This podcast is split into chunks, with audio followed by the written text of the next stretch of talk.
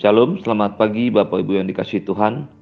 Mari kita kembali merenungkan firman Tuhan pagi hari ini diambil dari Lukas pasal yang ke-10 ayat 1 sampai dengan 16. Lukas pasal yang ke-10 ayat 1 sampai dengan 16. Kemudian daripada itu Tuhan menunjuk 70 murid yang lain, lalu mengutus mereka berdua-dua mendahuluinya ke setiap kota dan tempat yang hendak dikunjunginya Katanya kepada mereka, tuayan memang banyak tetapi pekerja sedikit. Karena itu mintalah kepada Tuhan yang empunya tuayan supaya ia mengirimkan pekerja-pekerja untuk tuayan itu.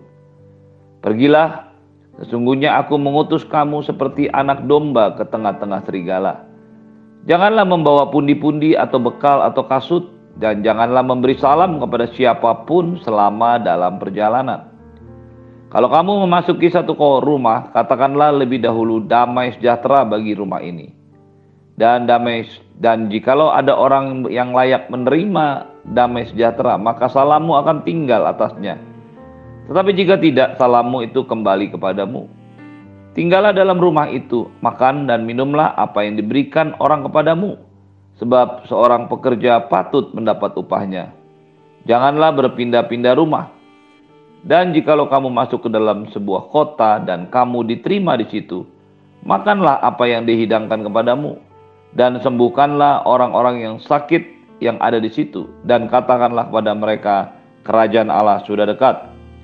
Tetapi jikalau kamu masuk ke dalam sebuah kota dan kamu tidak diterima di situ, pergilah ke jalan-jalan raya kota itu dan serukanlah juga debu kotamu yang melekat pada kaki kami kami kebaskan di depanmu. Tetapi ketahuilah kerajaan Allah sudah dekat. Aku berkata kepadamu pada hari itu Sodom akan lebih ringan tanggungannya daripada kota itu. Celakalah engkau Korazim, celakalah engkau Betsaida. Karena jika di Tirus dan di Sidon terjadi mujizat-mujizat yang telah terjadi di tengah-tengah kamu, maka sudah lama mereka bertobat dan berkabung. Akan tetapi pada waktu penghakiman tanggungan Tirus dan Sidon akan lebih ringan daripada tanggunganmu. Dan engkau Kapernaum, apakah engkau akan dinaikkan ke langit? Tidak, engkau akan diturunkan sampai ke dunia orang mati. Barang siapa mendengarkan kamu, ia mendengarkan aku. Dan barang siapa menolak kamu, ia menolak aku. Barang siapa menolak aku, ia menolak dia yang mengutus aku. Bapak Ibu yang dikasih Tuhan, kita sudah belajar bagaimana Yesus bersama-sama dengan muridnya melakukan banyak pekerjaan ajaib di daerah Kapernaum, di daerah Danau Galilea dan sekitarnya. Dia sedang ada dalam perjalanan menuju Yerusalem karena dia tahu waktunya sudah dekat untuk dia menggenapi rencana Tuhan. Dalam perjalanannya menuju ke Yerusalem, Tuhan Yesus meminta atau mengutus murid-muridnya untuk menyertai dia dan dalam pelayanannya. Ada orang-orang yang memang diutusnya untuk pergi mendahului dia. Di dalam Lukas pasal yang ke-9 ayat 51 dan 52. Ia mengirim beberapa utusan mendahului dia. Mereka ini masuk ke desa atau kota dan mempersiapkan tempat di mana Yesus akan tinggal selama dia berada di Yerusalem. Di luar itu, ayat yang pertama dari kitab Lukas pasal yang ke-10 ini mengatakan bahwa kemudian daripada itu Tuhan menunjuk 70 murid yang lain lalu mengutus mereka ke kota-kota dan tempat yang hendak dikunjunginya. Murid-murid yang lain ini adalah murid-murid yang berbeda dari orang yang diutusnya untuk mempersiapkan kembalinya dia ke Yerusalem. Kita bisa melihat bahwa di dalam pekerjaannya dan kehidupannya sebagai manusia, pada waktu Yesus melayani, dia membegitu teliti mempersiapkan orang-orang yang akan diutusnya, orang-orang yang akan menggantikan dan meneruskan pekerjaannya. Pekerjaan Tuhan, pekerjaan yang direncanakan oleh Tuhan Yesus tidaklah selesai dengan kematiannya. Pekerjaan Tuhan itu akan terus berjalan dan berlanjut bahkan memulai dengan banyak orang. Itu sebabnya dia menyiapkan murid-muridnya secara khusus. Dipilihnya 12 orang yang menjadi rasul. Bahkan dari 12 orang rasulnya, dia memilih tiga orang di antaranya secara khusus untuk menyertai dia di saat-saat tertentu, yaitu Yakobus, Yohanes, dan juga Petrus. Apa yang dilakukan oleh Tuhan Yesus kemudian adalah dia mengutus 70 orang murid dia mengangkat lagi, dia memberikan tugas kepada 70 orang murid untuk pergi ke kota dan tempat yang akan dikunjunginya. Perhatikan baik-baik apa yang dikerjakan oleh Tuhan Yesus bukanlah sesuatu yang kelihatannya unplanned, tanpa perencanaan. Dia merencanakannya dengan sangat baik.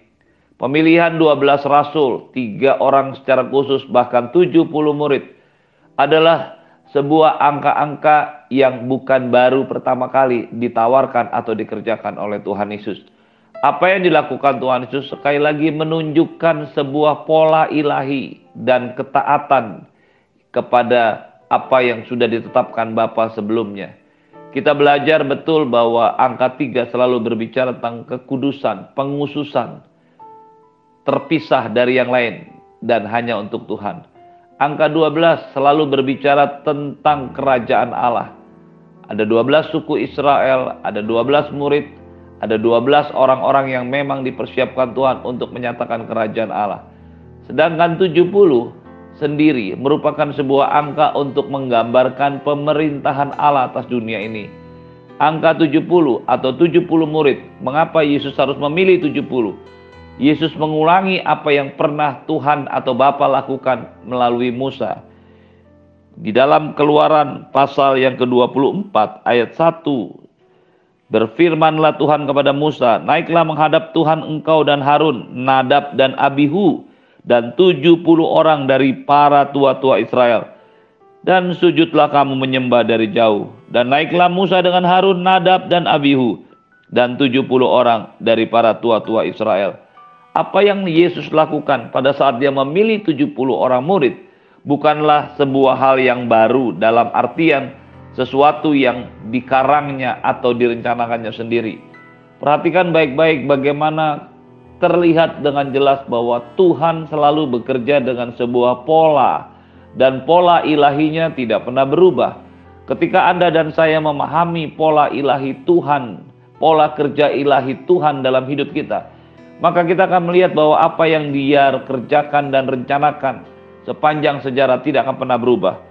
Bahkan kemudian ketika Musa mulai kelelahan untuk mengatur umat Israel di dalam bilangan pasal yang kedua, bilangan pasal yang ke-11 ayat 24 dan 25. Musa menyampaikan firman Tuhan. Setelah Musa datang keluar, disampaikannya firman Tuhan itu pada bangsa itu.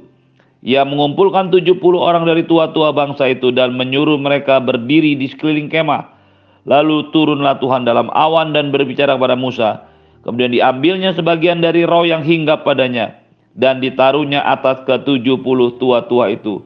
Ketika roh itu hinggap pada mereka, kepenuhanlah mereka seperti nabi. Tetapi sesudah itu tidak lagi. 70 orang tua-tua Israel yang dipilih oleh Musa, yang diminta oleh Tuhan untuk menghadap di gunungnya yang kudus adalah 70 orang yang sama yang diberikan impartasi, transfer, pemindahan roh yang ada pada Musa yang kemudian juga diberikan kepada mereka 70 murid itu. Ditaruhnya atas ke-70 tua-tua itu. Ketika roh itu hinggap pada mereka. Perhatikan baik-baik pemilihan apa yang dikerjakan oleh Tuhan Yesus, pemilihan murid dengan 70 murid sekali lagi merupakan sebuah pola ilahi ketaatan Tuhan Yesus kepada apa yang sudah pernah ditetapkan Tuhan. Apakah tugas 70 murid itu? 70 murid itu harus menyiapkan segala sesuatu yang diperlukan pada saat nanti Tuhan Yesus datang ke tempat dan kota di mana dia melayani.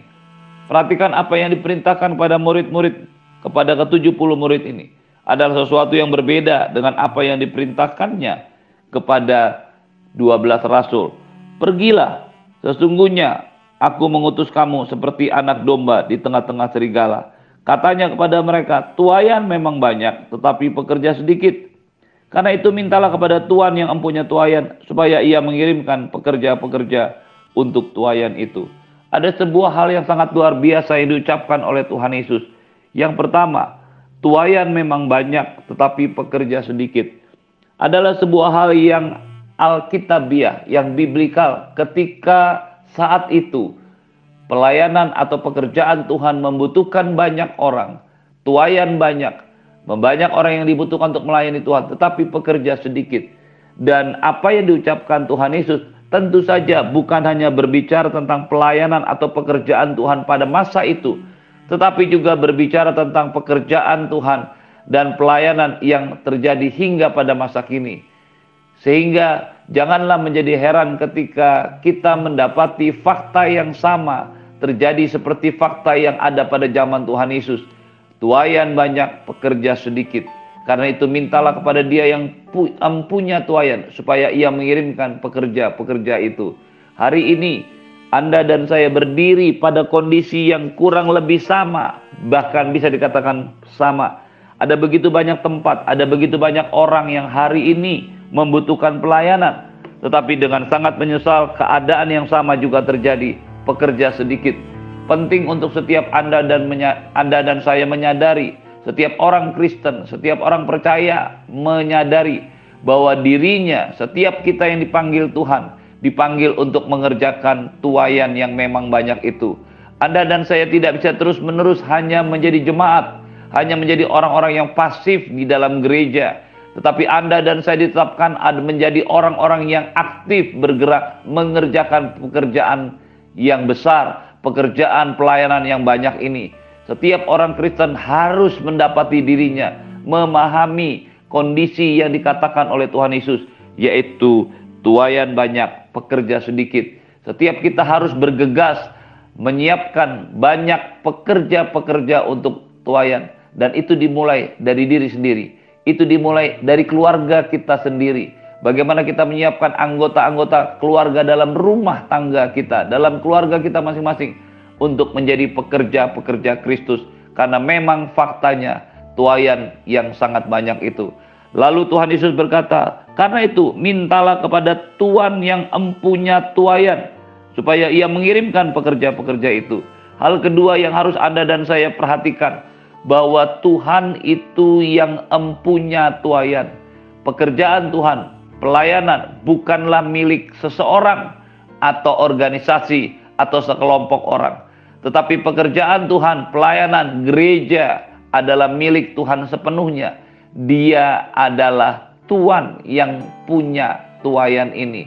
Dia adalah penguasa. Tidak boleh ada satu orang pun yang memiliki ownership, rasa kepemilikan lebih tinggi daripada apa yang diinginkan Tuhan dalam dirinya. Setiap orang tentu saja harus punya sense of belonging, rasa memiliki. Tetapi rasa memiliki pelayanan, pekerjaan Tuhan gereja tidaklah boleh mengalahkan kebenaran bahwa sebenarnya pekerjaan Tuhan, gereja, pelayanan adalah milik Tuhan sepenuhnya. Dialah yang empunya tuayan. Anda dan saya hanyalah pekerja-pekerja yang diutusnya, yang dipanggilnya, yang diangkatnya untuk mengerjakan pekerjaan-pekerjaan tuayan yang besar ini, untuk mengerjakan pekerjaan-pekerjaan pelayanan anda dan saya hanya mengerjakan, bukan pemilik. Karena pemilik sebenarnya adalah Tuhan. Ketika Tuhan ditetapkan, diakui, dan diperlakukan sebagai pemilik dalam sebuah pelayanan pekerjaan Tuhan, maka dia akan bertanggung jawab. Tuhan akan bertanggung jawab penuh terhadap gereja pelayanan yang ada. Tetapi sebaliknya, ketika dia diminggirkan, dia dipinggirkan, hanya dianggap sebagai sang pemberi berkat, hanya dianggap sebagai sang pemberi restu, hanya diperlukan ketika memang Allah diperlukan, maka Allah tidak akan bertanggung jawab dengan pekerjaannya. Ketika Anda dan saya menempatkan dia sebagai pemilik tuayan, maka Anda dan saya akan memberikan hidup kita sepenuhnya kepada dia. Dan percaya bahwa Allah lah yang empunya tuayan, Allah lah yang merencanakan pekerjaan pelayanan, Allah lah yang merencanakan gerejanya berdiri. Dan dia akan bertanggung jawab mencukupi, menguatkan dan mengembangkan setiap pelayanan dan gereja Tuhan. Lalu yang berikutnya, yang ketiga, setiap gereja harus berdoa, setiap Anda dan saya harus berdoa supaya Tuhan mengirimkan pekerja-pekerja untuk tuayan ini. Penting setiap kita untuk menyadari bahwa pekerjaan yang besar ini, pekerjaan tuayan yang besar ini, orang-orang yang perlu diselamatkan, daerah-daerah, kota-kota, desa-desa, negara-negara, suku-suku membutuhkan banyak pekerja. Dan kita perlu berdoa untuk supaya Tuhan menyiapkan tuayan bagi pekerjaannya. Ketika itu terjadi, maka Anda dan saya akan melihat bagaimana pekerjaan Tuhan digenapi dalam hidup ini. Pergilah Sesungguhnya aku mengutus kamu seperti anak domba di tengah-tengah serigala. Hal ini menunjukkan cara kita mengerjakan pelayanan ini. Tetapi pastikan Anda dan saya memahami. Yang pertama, kita dipanggil untuk melayani.